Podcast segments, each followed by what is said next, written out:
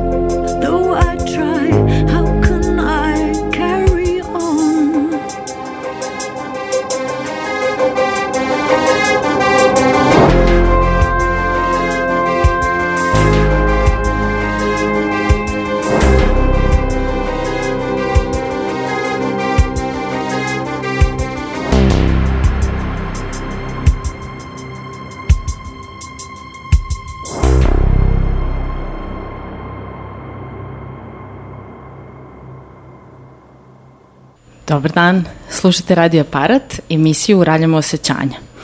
A, prvo ću da predstavim našu današnju gošću. Danas dolazi prvi put Bojana Obradović, moja koleginica, psihološkinja psihoterapeutkinja. Bojana, dobrodošla. Zdravo Đurđe i zdravo svima. E, I malo se još primakni, na- e, tako do mikrofona. Um, slušali smo Portishead, uh, SOS, genijalnu obradu, ako mene pitate. Um, uvela nas je nekakvu atmosferu teme o kojoj ćemo danas pričati, koja često jeste uh, uh, pomalo strašna, nekad možda i pomalo bizarna, a često i potpuno nejasna. Danas ćemo pričati o, o jednoj uh, pa ovakvoj temi koja ovakvu atmosferu sa sobom nosi, koja je jako važna, a, a o njoj jako malo znamo i još manje pričamo. Uh, I pričat ćemo o transgeneracijskim traumama. Dakle, ono je neko pitanje koje ćemo uh, uh, uh, probati da, da ovaj, postavimo i odgovorimo sa Bojanom jeste možemo li mi danas um, imati posledice zbog nekakvih traumatskih iskustava koje su proživeli naši roditelji ili možda čak i naše ovaj, uh, baki i deke. Um, Bojana, ajde, ovaj, uh, ajde idemo, uh, uh, idemo od početka. Uh, šta, je, šta, šta zapravo znači uh, transgeneracijska trauma? O čemu pričamo kada o tome pričamo? Prvo hvala ti što si otvorila ovu temu i što si me pozvala da govorim o njoj. Ove, ja ću prvo doneti neki svoj subjektivni doživljaj da je ovo tema koja je neophodna za priču na našem podneblju i dok budemo govorila kroz emisiju čini mi se da će mnogi ljudi prepoznati da znaju šta je ovaj, ova trauma i da su iskusili iako je nikada nisu imenovali. Kada govorimo o transgeneracijskoj traumi, to je prenošenje jednog emocionalnog, biološkog, pa sa, čak i socijalnog iskustva sa pretke na dete, odnosno na unuke i postoji naučni dokazi o njoj. Međutim, ono je, što je kod nas specifično, da mi ne govorimo mnogo o tome. Čak i na fakultetu nismo mnogo pričali osim o holokaustu i vrlo verovatno se sećaš onog predavanja gde su neku decu nazvali žive sveće. I to je možda bilo prvo pominjanje, evo ja sam možda mlađa generacija pa su kod nas pomenuli, da zapravo deca preživali u holokaustu su imali posledice PTSD-a, iako oni direktno nisu iskusili traumu, ali su imali sve simptome i na kraju krajeva imali su ovaj, povišene probleme sa alkoholom, anksioznošću i depresijom. Nekako ta tema je tada postala aktualna i utihnula je neko vreme, međutim, Rachel je Huda je jedan ozbiljan istraživač, neuropsihijatar i psihijatrica koja je rešila da se bavi ovom temom dublje i ona je krenula da ponovo okuplja decu i unuke žrtve holokausta i da istražuje zapravo njihov doživljaj sveta. Ono što je ona uočila jeste da postoje posledice PTSD-a, ne samo kod dece nego i kod unuka, da se mogu primetiti određeni problemi sa anksioznošću i depresijom i onda je bila zainteresovana, ok, da li je to neki pojedinačni slučaj ili ćemo to naći na drugim mestima. Onda je za vreme pada kula u Americi, znamo svi za taj teroristički napad, posmatrala šta se dešavalo sa trudnicama koje su tada nosile bebe i sa trudnicama koje su rodile decu neposredno nakon napada i došla je do otkrića da zapravo bebe su takođe imale simptome koje su mame iskusile za vreme terorističkog napada, odnosno imale su simptome traume. I onda je nekako posmatrala šta se dešava, uvidela da postoji jedan drugačiji nivo kortizola, da postoje problemi sa spavanjem, da postoje problemi sa anksioznošću i onda je krenula da se pita, ok, ovde već postoji neka veza. Umeđu vremenu kreću da se pojavljuju druga istraživanja, odnosno koja se tiču rata u Vjetnamu, kako su se osjećala deca i unuci ljudi koji su preživali tamo i nekako neki istraživači su došli do toga da, uh, da kažemo, prvi naseljenici Amerike, odnosno indici, Uh, bože, indici, indijanci, izvini. Moj partner je indijac, to je greška. Eto, preliva eto, se da.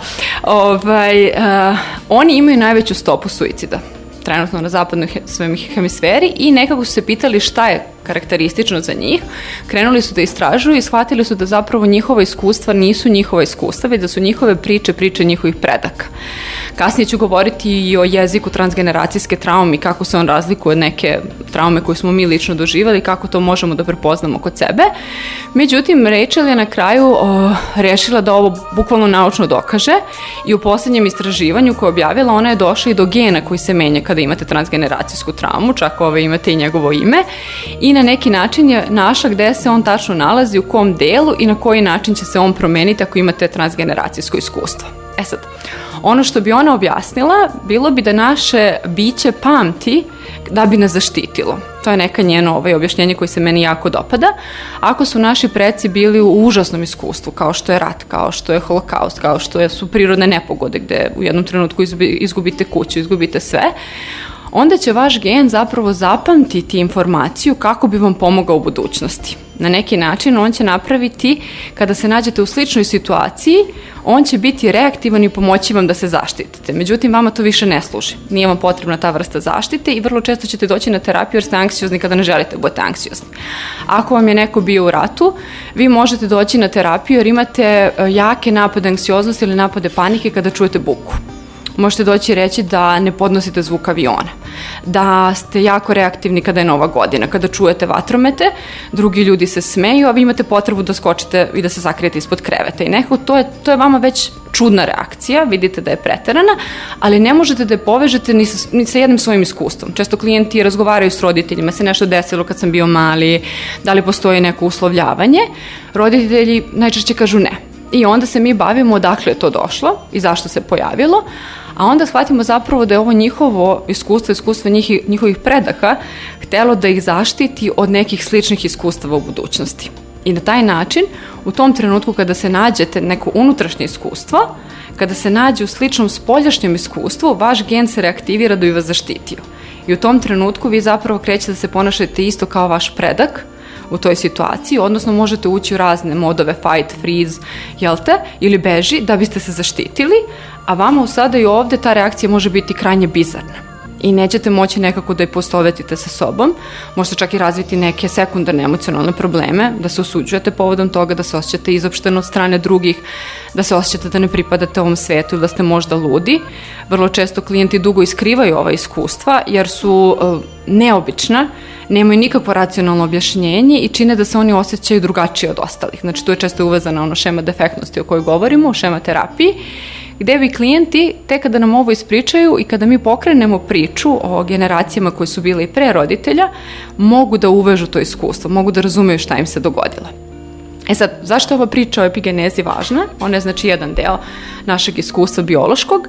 Nama će to kasnije pomoći da mi klijentima objasnimo kako je njih njihovo telo štitilo na koji način njihovo telo dobilo poruku da je to važno.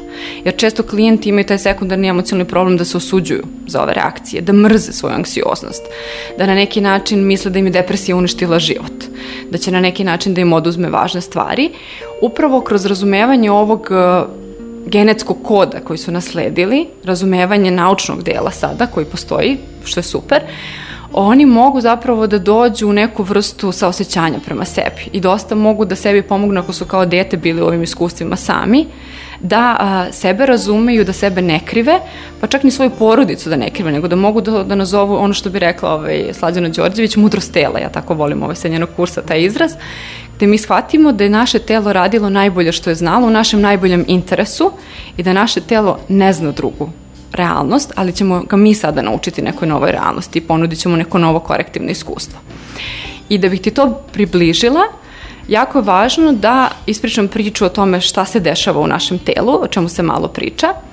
Uh, kada je Šta se dešava u našem telu dok doživljavamo traumatsko iskustvo ili... kako se to prenosi zapravo. Mhm, Na primer, ako je, daću ti primer moje prabake, ako je žena trudna, ona u tom trenutku, kad je otprilike već u nekom petom mesecu, njen fetus, odnosno tvoja mama koja je u stomaku, ona je već razvila sve jajne ćelije koje će imati u toku celog svog života.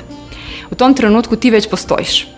Znači ti si već, znači tvoja baka, tvoja majka, ti si u kontekstu jajne ćelije već prisutna. Više kao potencijal. Kao potencijal, ali si jedna jajna ćelija koja će biti srećna i ovaj, nastaćeš ti iz nje. I nekako tu imamo tri generacije koje se razvijaju u jednoj materici, jel te?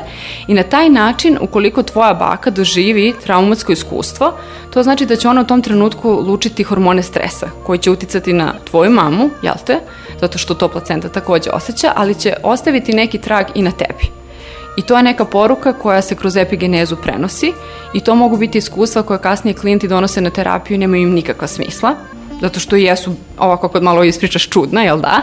Ove, zvu, zvuče vrlo nerealna, dok sa druge strane za muškarce su još bizarnija, pošto njihova sperma se razvija, posebno se multiplikuje za vreme puberteta i ona može da pamti traumatsko iskustvo sve dok ne dođe do začeća.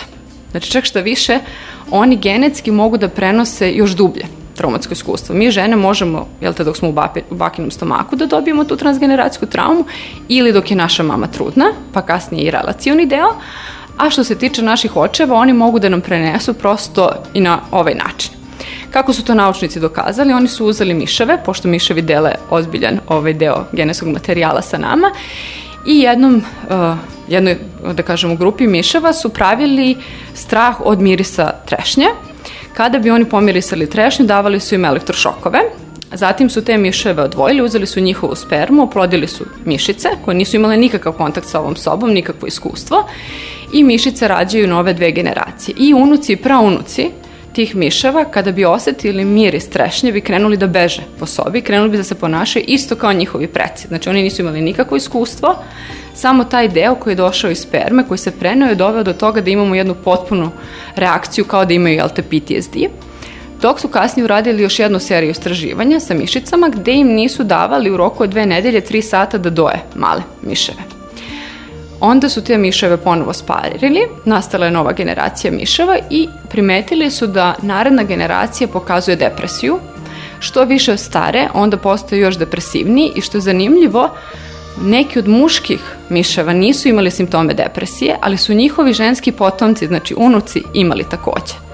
I ovo su bukvalno istraživanja koje se i dalje šire, koje će puno pomoći, ali koliko god ovo sad bilo strašno da se mi svi uplašimo da možemo prenesemo svašta svoje deci, ovaj, znam da možda mnogi slušalci sad malo osjećaju antremu kao što sam ja prvi put kad sam čitala ovaj, i učila o ovome, vidjet ćete zašto je zapravo ovo samo e, deo razumevanja i koliko mi možemo i da pomognemo i da se ovo promeni kasnije. Ok, samo možda mali, ti ćeš nam reći, uh, ono što možda može da zbuni, uh, uh, ja ne znam detalje ove studije, ono što možda može da zbuni slušalce, jeste ako pričamo o depresivnom ponašanju miševa, mm -hmm. to su najverovatnije, sad moja, moja pretpostavka bi bila nekakvi pokazatelji povlačenja, uh, manjak aktivnosti, pokazivanja manje volje, možda za kretanje, interakcije, ali tako, znači nešto što bi bio pandam, tako da, ovaj, da znate da nismo potpuno blesave kada pričamo o depresiji kod miševa, nego su to verovatno, jel, nekakvi objektivni pokazatelji ponašanja koji ukazuju ukazuju, koje liče na ona koja su kod, kod ljudi um, kada imamo ovu vrstu emotivnih problema. Ok, a ono što bi možda, e sad ono što mene zanima jeste, e, ti si probala da nam objasniš taj deo um, uh, genetike, to je epigenetike i, i na nivou nekako bukvalno, kako si rekla, ćelijske uh, memorije, ali uh, ono što mene zanima je da li uh, nezavisno od toga možemo da govorimo o prenošenju traume kroz generacije, kroz nešto što je što su obrazci ponašanja, što su načini na koje osjećamo, načini ideje o svetu, mm -hmm. uh, jel tako? Ono što je meni prvo padalo na pamet dok sam te slušala jeste da su možda bukvalno ta uverenja o meni, o svetu, o odnosima, o ljudima, ono što ja prenosim. I ako ja kao na žrtva nekakve traume, uh, bilo razvojne, bilo šok traume, nekih e, katastrofalnih događaja koje si spominjala. Ono što mogu da zamislim je da ću ja kroz svoje uverenje o svetu, kroz ponašanje, kroz dominantne emocije, dominantne reagovanja, da ću ja takvu vrstu traume preneti na, na, na svoje dete, koje to vrlo lako može da ponavlja bez da, iako nikada nije iskusila to. Apsolutno si u pravu. Mm -hmm. e, ovaj razlog zašto sam ja prvo krenula od ovog biološkog dela je ovo je teže primetiti klijenti koji imaju iskustvo o kom ti pričaš će ipak nekako doći sa tim pričama. Oni će reći, ali mama se tako ponašala. Ako nije bila tajna. E, tako je, da. to je zavera ćutanja o kojoj Rachel takođe govori i ona opisuje upravo da su mnoge porodice za vreme holokausta, pošto je to bilo užasno iskustvo, ona je bila šokirana da zapravo žrtve holokausta nikad nisu ispričale svoje iskustva, da s njima nisu čak ni radili njihovi, ovaj, da kažemo, ljudi koji se brinu o mentalnom zdravlju, znači sve drugo su pitali, ali ne i traumatsko iskustvo i onda u okviru porodice se nije govorilo i to ona, ovaj ko je čitao Irvina Jaloma, on priča upravo i o tom svom besu kako njegovi roditelji nikad nisu pričali o holokaustu i kako on ovaj, nije razumeo svoju predistoriju i na taj način deca osjećaju neku tugu koja se prenosi, ali im iskustvo nije objašnjivo. I na taj način se to preliva, jel te, na njih i oni dobijaju tu neku poruku, naravno deca iz dečeg sveta to interpretiraju, ali često se dešava ono preuzimanje bola Jer ako ja da spasim mamu i tatu, tako što ću uzeti njenu njegovu tugu, tako što ću preuzeti bes, jel te, na neki način i usvojit ću te obrazce sa najboljom namerom da spasim svog roditelja. I to je ono što si ti lepo primetila, ali klijenti sa takvom pričom će nekako biti u nekom momentu barem kognitivno svesniji da se to dogodilo. Znači, postoji jedan, jedna svesnost o transgeneracijskoj traumi i moći će da iskomuniciraju, dok ova druga vrsta klijenata najčešće ne zna to o svojoj porodici, jer je to apsolutno bila tajna. Neka će morati ove potpuno i da se bore da saznaju šta se dogodilo u porodici, jer se toliko to sakrilo, oceklo, zanemarilo, ono što kažemo pravimo se da ne postoji. Jedno je zavera čutanja. Mi znamo da nešto postoji, ali smo se nekako prečutno dogovorili da čutimo o tome. Plavi slon u sobi. Klijenti mogu da pričaju bolje o tom iskustvu, ali drugo je kad vi ni ne znate da postoji to iskustvo, jel te? A samo dolaze neki ove obrazci koji se prenose. I to što si primetila i što si pitala, hvala ti na tome, Ove, e, ja mislim da iako nisam porodični terapeut, niti se bavim na sistemskom nivou, to se često dešava na nivou kulture i na nivou nacije. Znači da mi prolazimo kroz jednu kolektivnu istorijsku traumu, ali da nekako ne pričamo o tome. I samo imamo prenošenje jel, tih obrazaca i uverenja na nivou cijelih generacija. I to je jako važno neko da se otvori kao tema. Zato sam je rekla da onako da, baš je čudno da nema na dnevnom nivou priču o transgeneracijskoj traumi na Balkanu, s obzirom da ne postoji porodica koja nema neku vrstu ove traume. Ovaj, od turskog doba cara Dušana do sada. Ove, i A čak ni ne moramo ići toliko Tako daleko je. uopšte. Ali kad pogledaš, ja sam se onako baš u jednom momentu zapitala, onako ove, na jednoj kafi sa drugaricom, da li postoji period kad naš narod nije bio u traumi? Znaš, ja nisam mogla da se setim, gledajući svoju istoriju, da kažem, da li je postalo dve generacije da su bile manje više dobro? Nisu. Mi baš imamo jedan taj kontinuitet i nedostaje nam ozbiljno istraživanje. Znači, mi se možda bavimo za njih 50 godina, ali nije to 50 godina. To je daleko dalje, naravno ne postoje studije koje bi objasnile toliko daleko sežno, ali je to priča koja prosto zaslužuje da se priča na ovoj teritoriji i važna je i deo je i tebe i mene i svakoga ko se bavi mentalnim zdravljem. Hvala ti. E, pravimo sad malu pauzu, pa nastavljamo.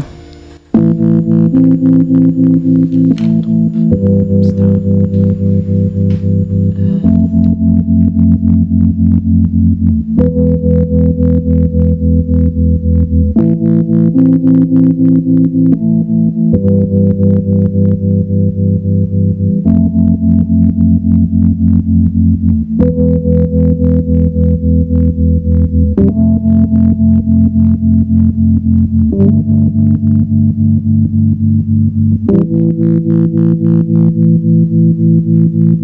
you.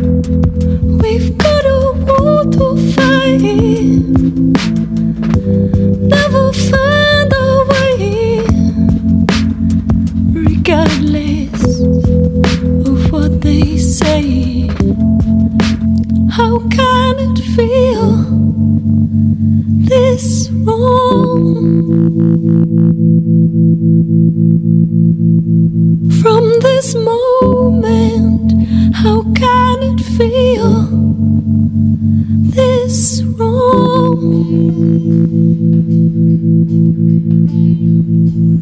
Evo nas nazad u studiju, slušate Radio Aparat, emisiju Raljamo osjećanja. Slušali smo Portishead Roads i danas samo Portishead. Uh, nekako mi leži uz temu. Um, ovaj, pričamo o transgeneracijskoj traumi i uh, Bojana je dotakla nešto jako važno i tu bi nekako da, da je ovaj, e, pitam dalje da o tome nastavi, o tome nekako šta je e, nekakva trauma koju doživljavamo na nivou društva. ovaj, em, I Bojana je baš pričala o tome koliko smo nekako više, tra, više generacijski e, istraumatizovano područje. I palo mi je na pamet sledeća stvar, kada su kolege ovaj, iz, iz Mozaika, Tijana Mirović i Marko Tomašević radili istraživanje o, o, o traumi i pokrenuli ceo projekat e, Naša trauma, ali tako, tako se zvao, Naša trauma. Trauma naša priča. Trauma naša priča, tako je. Ovaj, Tijana i Marko su oboje bili i pričali nam i o projektu i o, i o temama uh, uh, u vezi sa tim. Uh, I onda su oni dali uh, jedan upitnik da svi popunjavamo ko je hteo i sećam se da su to kao trebalo da navedemo naka, naša neka uh, traumatska iskustva. I sećam se da kasnije u razgovoru s Tijanom ja shvatim da prvo ja nisam stavila bombardovanje kao da je to nešto što nisam proživela. Ovaj, još mnogi nekih, da kažemo, stvarno krupnih, jako loših uh, iskustava koje smo imali na ovom uh, podneblju. Um, I u stvari koliko to nije nešto što je osvešćeno, koliko mi, mi ne obraćamo pažnju na to. Takođe mi je pro, prošlo ovaj, kroz glavu sad dok sam te slušala kako uh, uh, ja sebe nekako to doživljavam kao uh, osobu koja je odrastala u nekakvom uh, um, traumatskom settingu, barem u tom nekako da kažem um, uh, uh, uh, smislu nekako ok, kao ajde nije ovde baš bio rat, pa dobro bile bombe, ali ne znam nije šta. Ali onda se setim da sam ja uh, odrasla tako što jednog svog dedu nisam uh, uh, ni upoznala koji je bio ratni invalid. I on se i u bolnici gde je moja baka pomagala ratnim invalidama upoznao sa mojom bakom. I to je nešto što ja slušam ce, ceo e, priča s kojom sam ja odrasla, ali kao da je u odraslom dobu nisam nekako stavila na mesto nečega što um, što svakako jeste barem imalo efekta na oblikovanje mene, mog doživljaja sveta, e, budućnosti, prostora u kome živim i prostora u kome se ja razvijam kao ličnost. Tako da, eto, e, volila bih neko da te pitam možda da li bi nam još nešto o tome rekla, o toj traumi koju doživljavamo e, kao zajednica i kako, šta se s njom dešava u tom transgeneracijskom prenosu.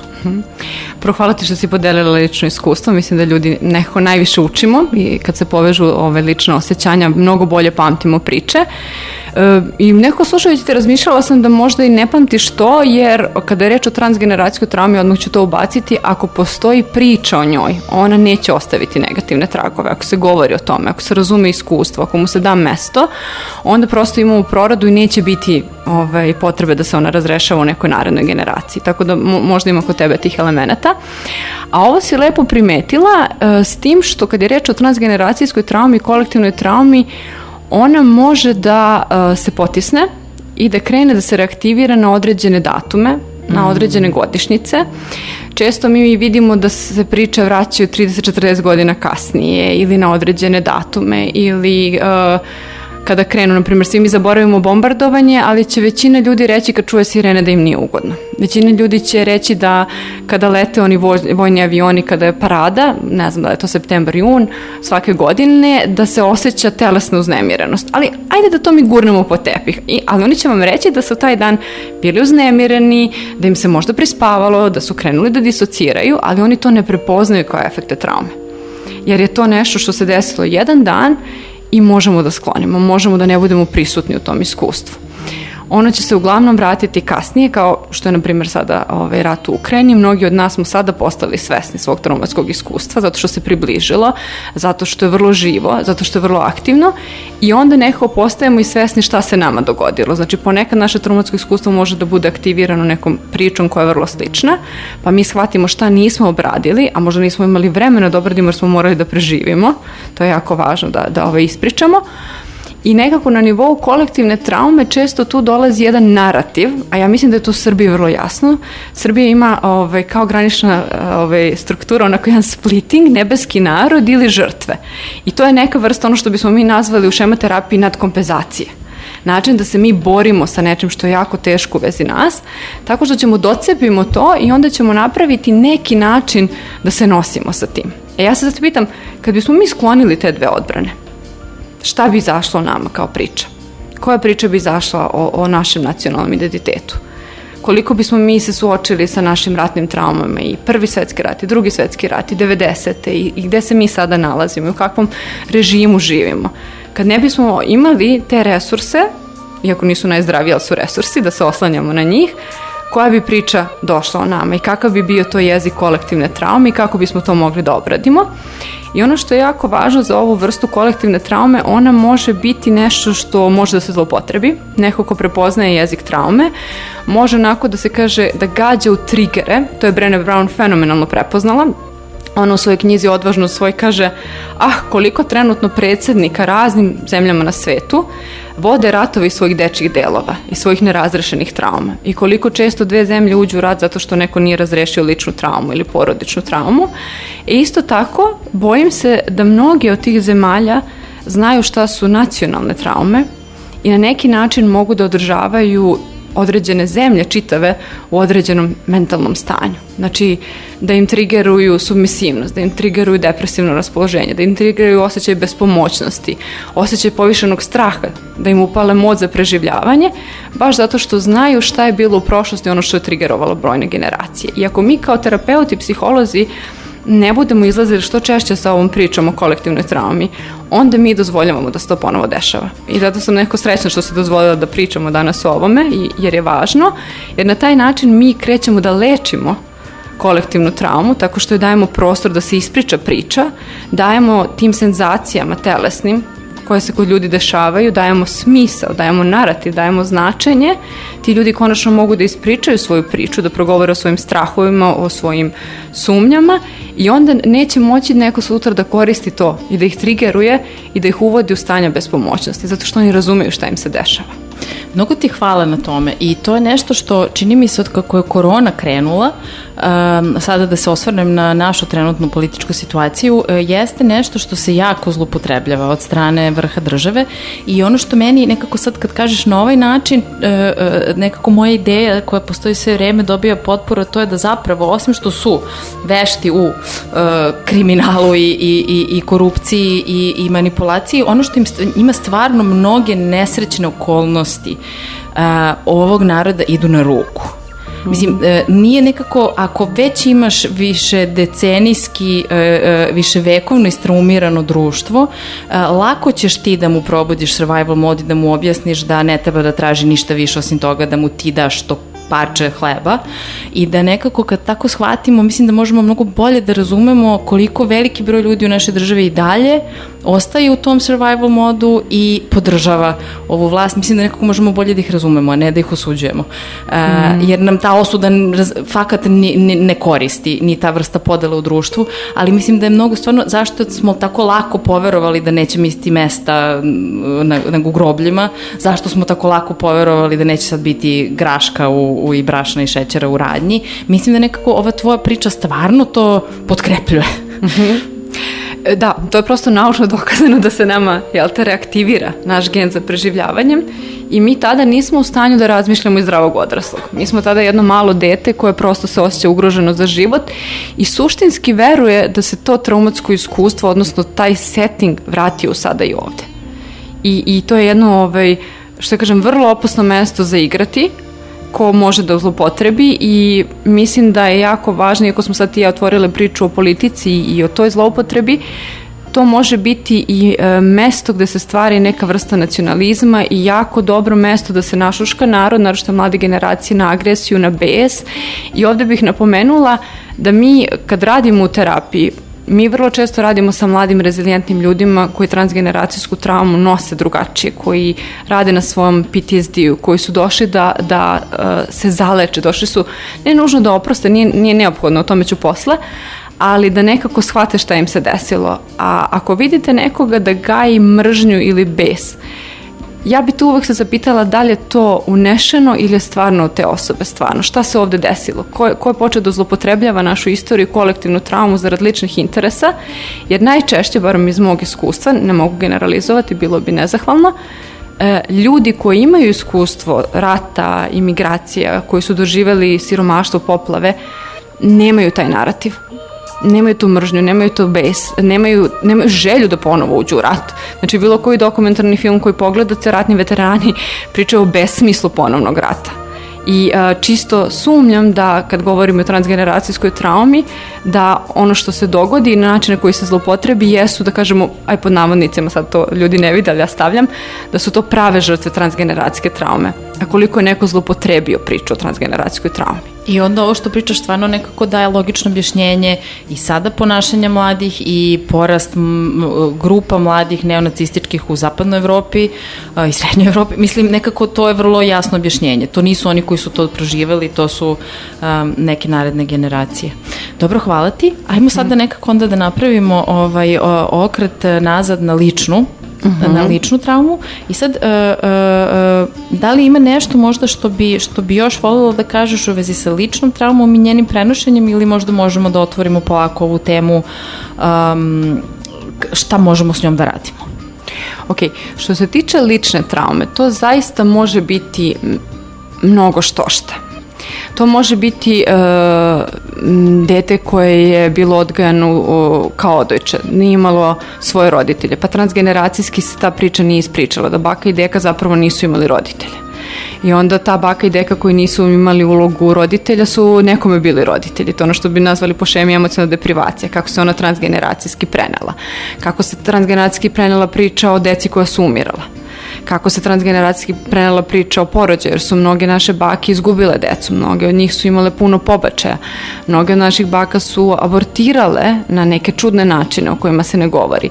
Žene pre 2-3 veka, ajde kažem i pre 50-60 godina su često bila silovane u braku.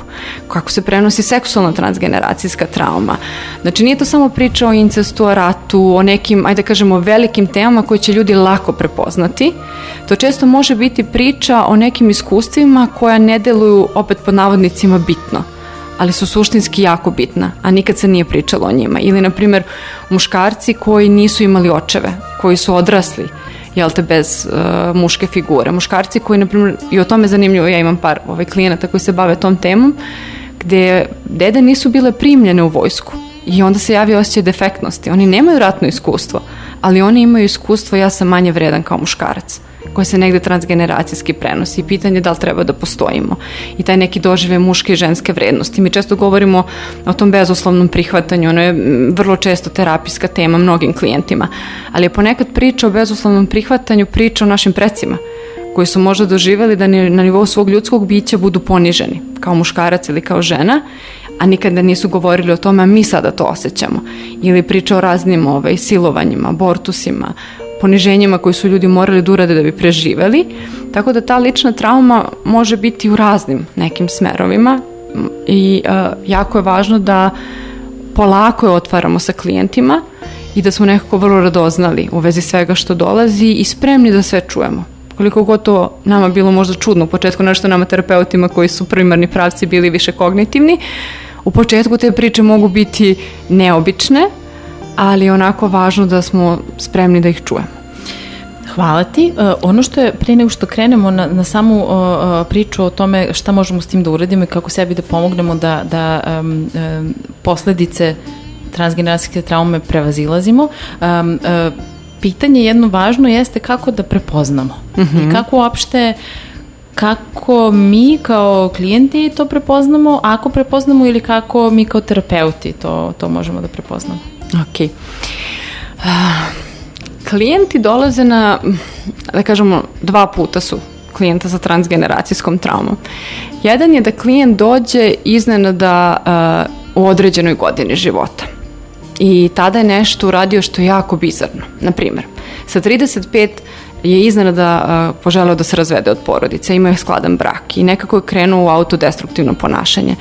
Ništa u njegovom prethodnom ponašanju ne ukazuje na to. Kada pričate o detinjstvu, nema nekakvog smisla.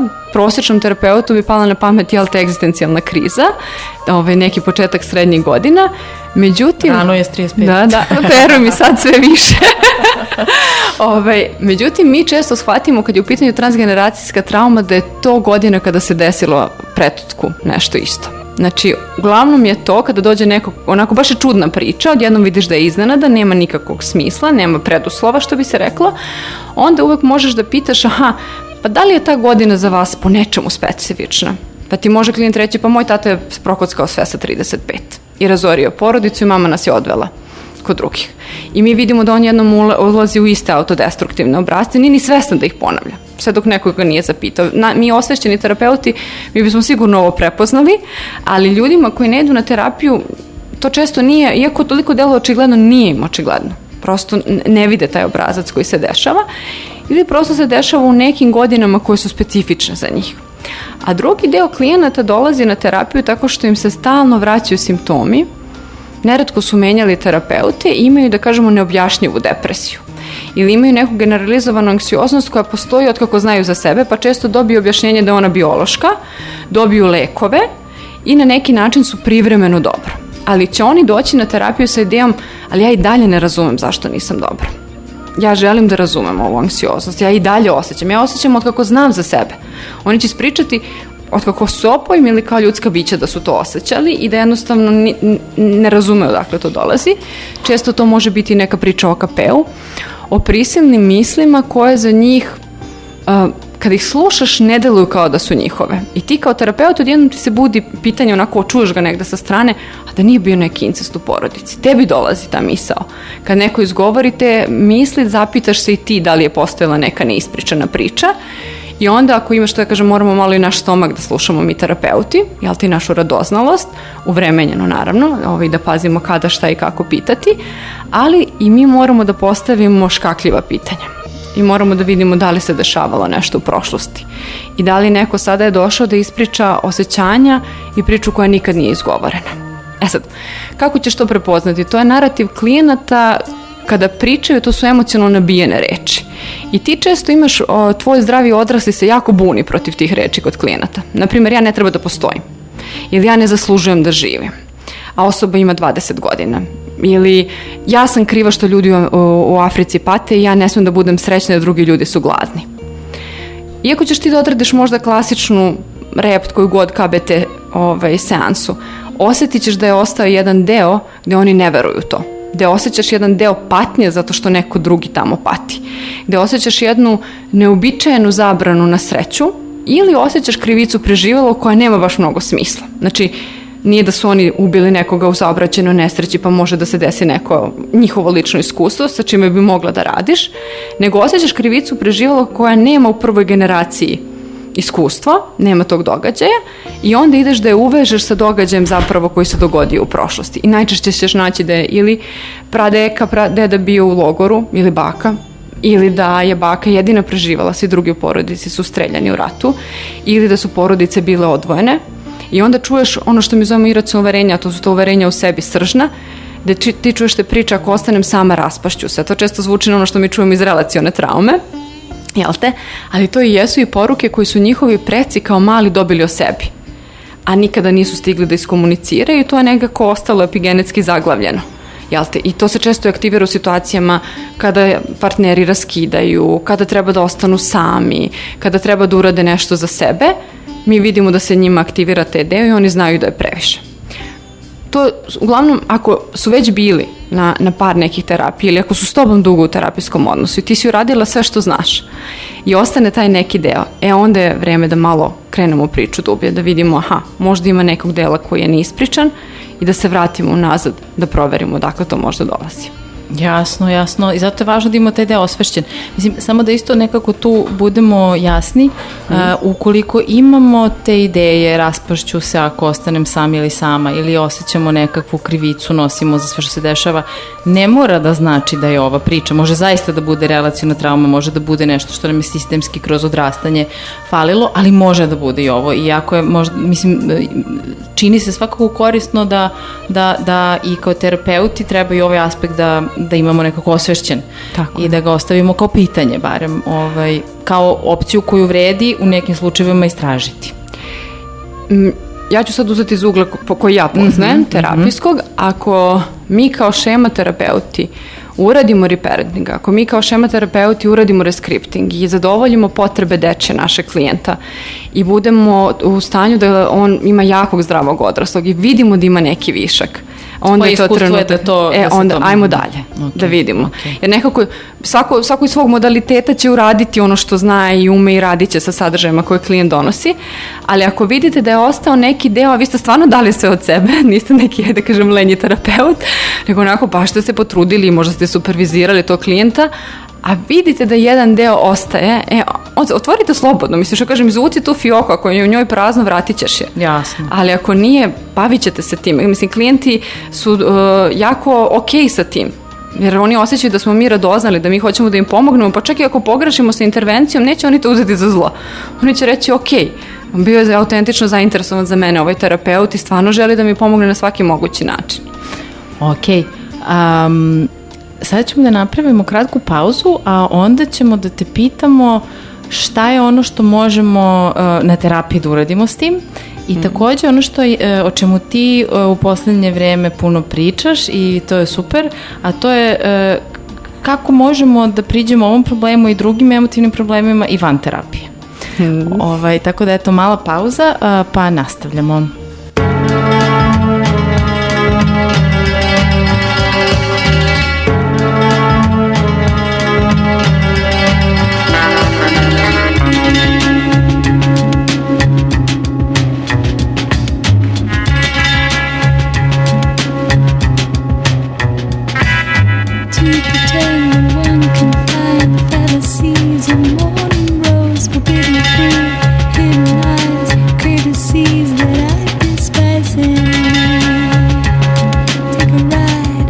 A shot now.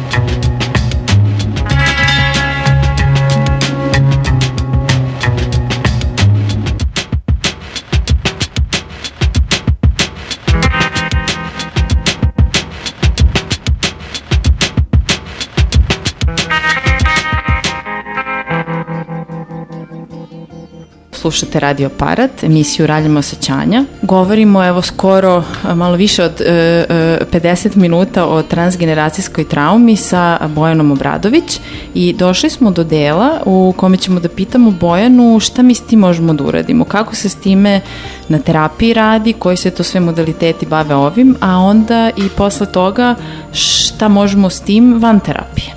Uh, hvala ti. Ajde krenut ću od najprostijeg, pa posle ću doći do modaliteta. Znači, jedna od uh, glavnih stvari koje smo malo pre dotakli jeste prepoznavanje da se radi o transgeneracijskoj traumi i ono što nama može pomoći na neki način da konsultujemo nekog od porodičnih terapeuta ili da sami naučimo da uradimo genogram.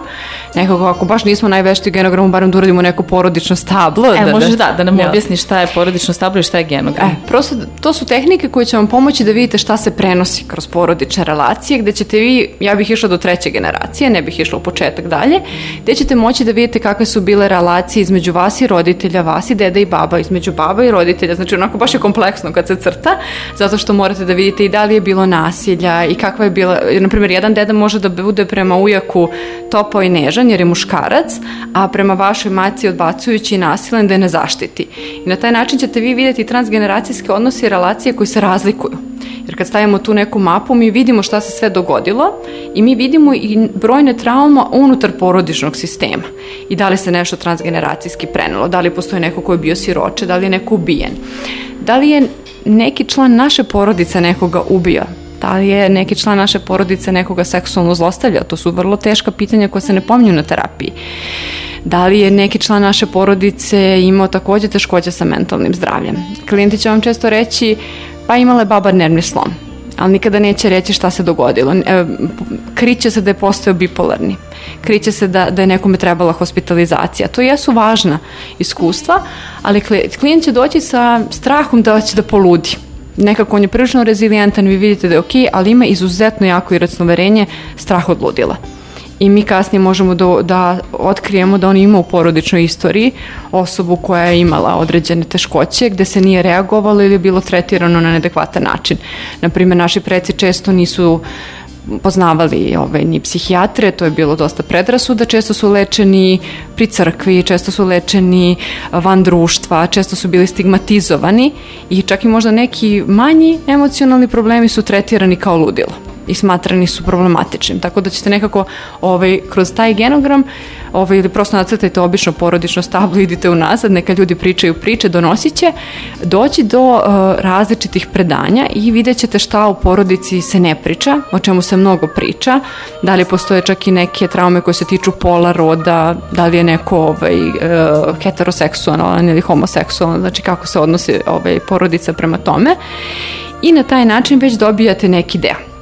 E sad šta mi kažemo, jel te, ako mi ignorišemo prošlost, ona će prosto početi da kulja i vratit će se, zalupit će na prednja vrata, ali ako krenemo da pričamo o njome, već ćete krenuti malo da to tlo razlažete terapijski i onda idete na sledeći deo, a to jeste priča o traume. E sad, tu mogu da se koriste različiti pristupi.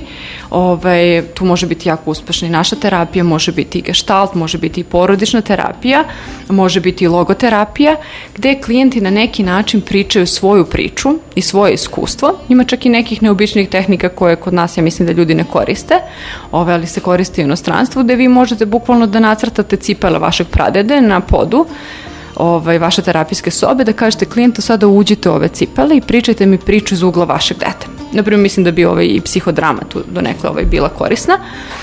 I na taj način klijent će ponuditi uh, priču o svojim telesnim senzacijama koje mu dolaze kada misli o tom događaju.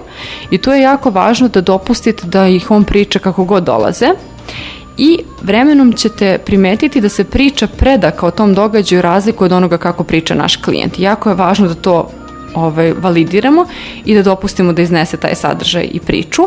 Ukoliko postoje sadržaji koje klijent ne može da verbalizuje, mentalizuje, e onda je potrebno da klijenta uputimo na telesnu terapiju ili somatic experience. To znači da mi koji se više bavimo kognitivnim terapijama i više smo usmereni na misao i na emociju, mi ne bismo mogli ovo da uradimo. Neko klijent ima iskustvo koje je možda nastalo, čak i to traumatsko iskustvo je možda nastalo u materici, bake i e, mi ne možemo da mentalizujemo taj sadržaj, a klijent ima potrebu da izrekne ono što je neizrecivo i ne može da poveže čak ni jednu sliku on samo ima određene senzacije, onda je jako važno da mi budemo senzitivni na to i da primetimo svoje ograničenja i da neko se dogovorimo s klijentom ili oko terapijskom radu ili da prosto ode za taj deo kod kolege, koleginice i onda možemo mi dalje da nastavimo taj rad, odnosno da pravimo ponovno pričanje priče.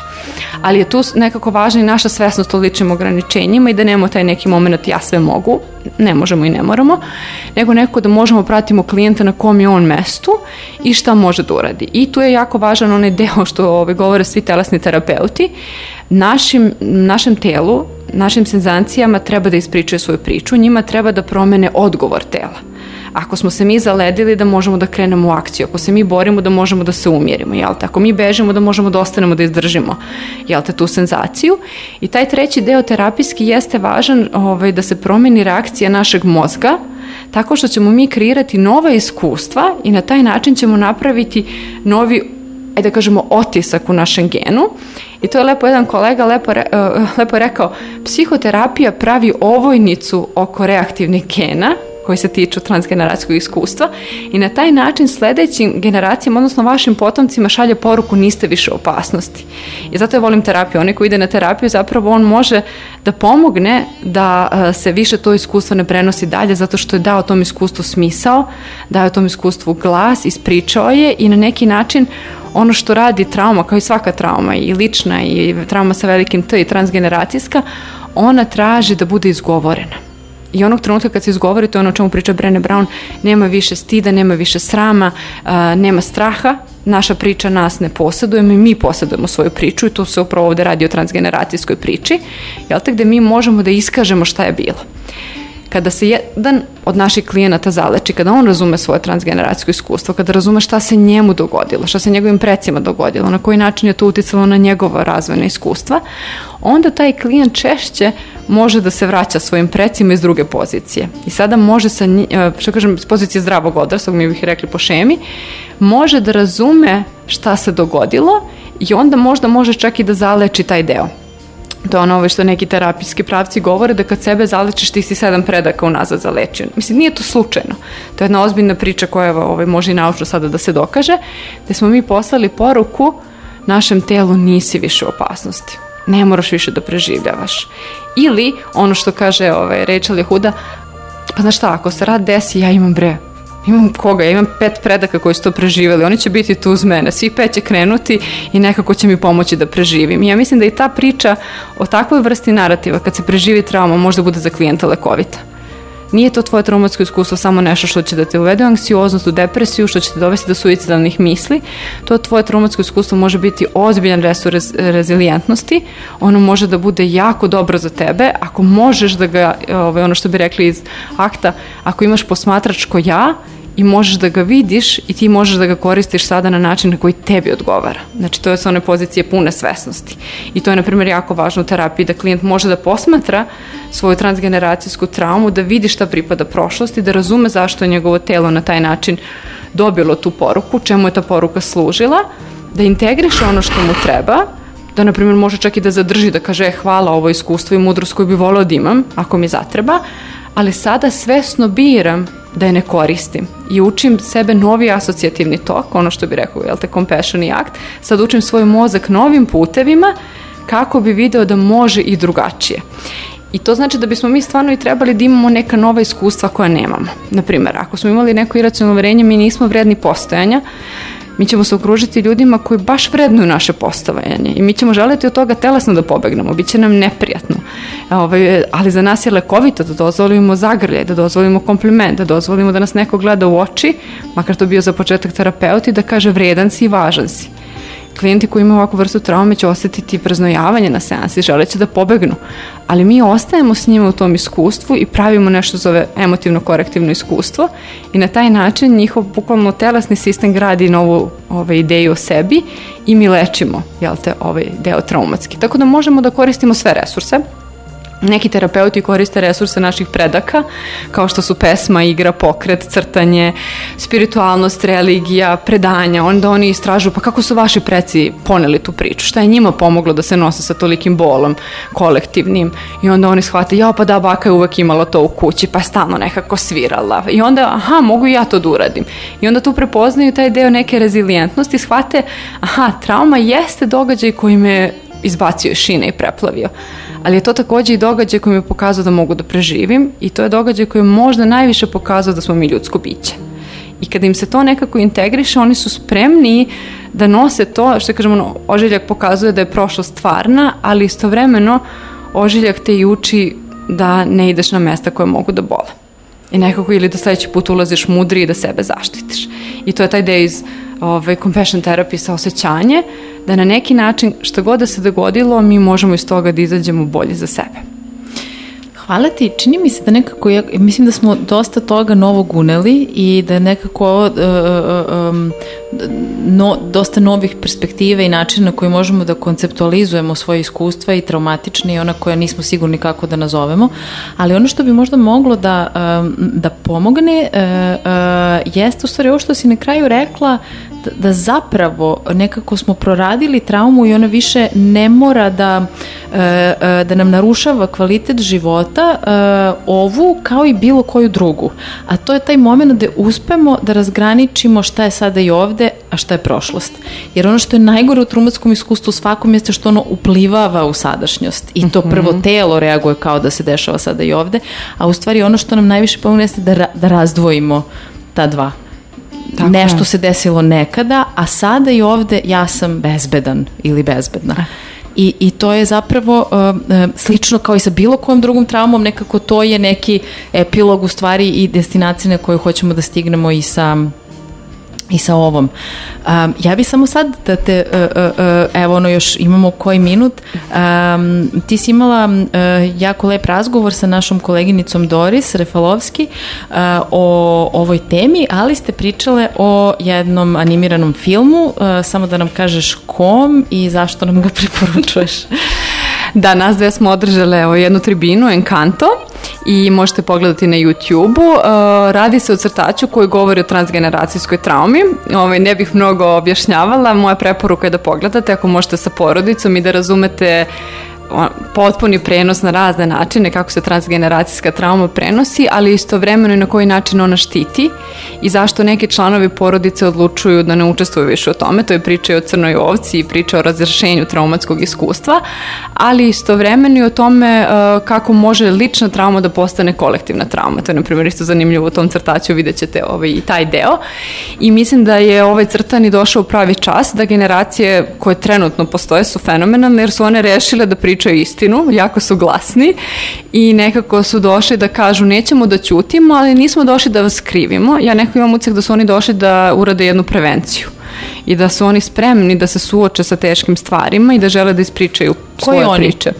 Pa trenutne generacije mladih reditelja i pisaca aha, i ljudi koji aha. stvaraju ove serije. Nekako ja imam taj utisak da i sa ovim serijalom ona se budi i sa raznim filmovima, na primjer ima film Mala mama koji je sad bio ovaj, na festivalu, gde isto transgeneracijska trauma, gde devojčica sreće svoju mamu kad je devojčica i ima ovaj potpuno razumevanje svoje traume i svog transgeneracijskog iskustva, gde vi vidite da su autori došli ranije osjećala onako neka krivica kroz film, ko je, ko je veći zlikovac, ko je tu više naštetio, neko je to bilo prisutno i u knjigama i u predstavama i u filmovima, ali sada ovaj, dolazi jedan novi narativ koji kaže, hej, svima nam se ovo dogodilo, mi želimo ovo da razumemo i ne želimo da se ovo više ponavlja. Podelit ćemo odgovornost, ali nećemo uzeti preveliki deo kolača, tako sam ja to razumela. I ovaj, eto, za kraj ću podeliti, ja sam radila svoju ličnu ovaj, transgeneracijsku traumu na somatic experience i jako mi je bilo značajno kad sam ja htela da čapim celu odgovornost, jel te?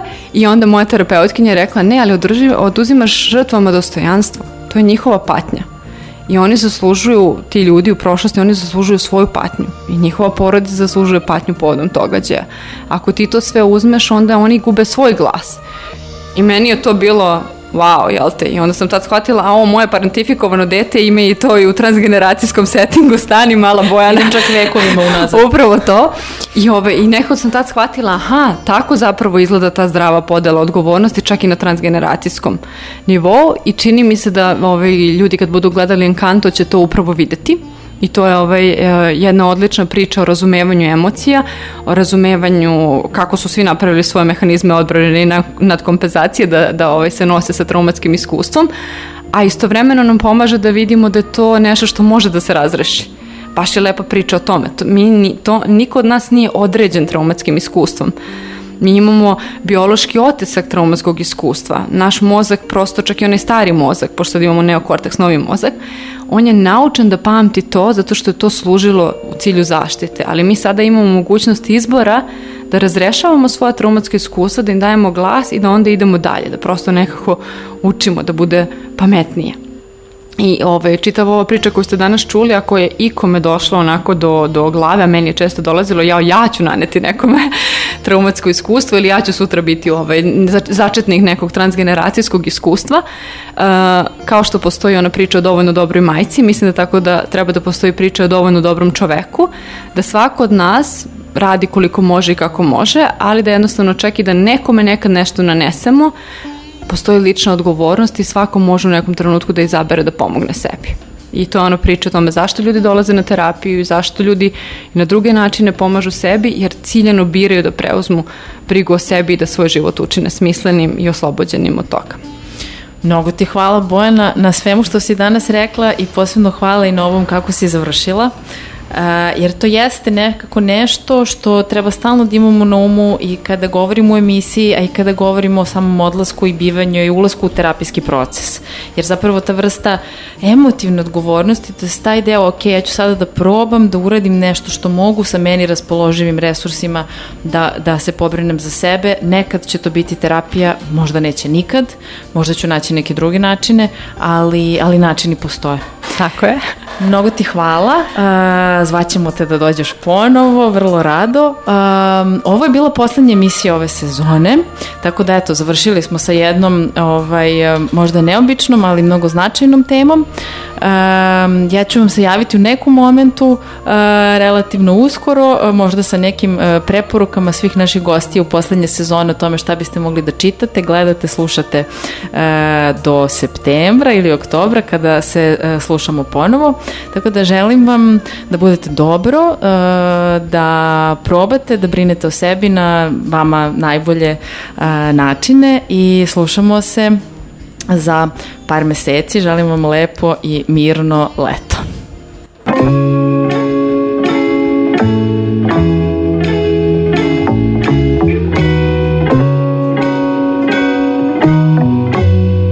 Otkud znaš da si baš u depresiji, a ne u nečem drugom? I can't tell you how I feel, but I do. Depresija, osnovni simptomi. Osjećaj beznadnosti, osjećaj krivnje, gubitak samopouzdanja, All I really want is peace of mind. U raljama osjećanja.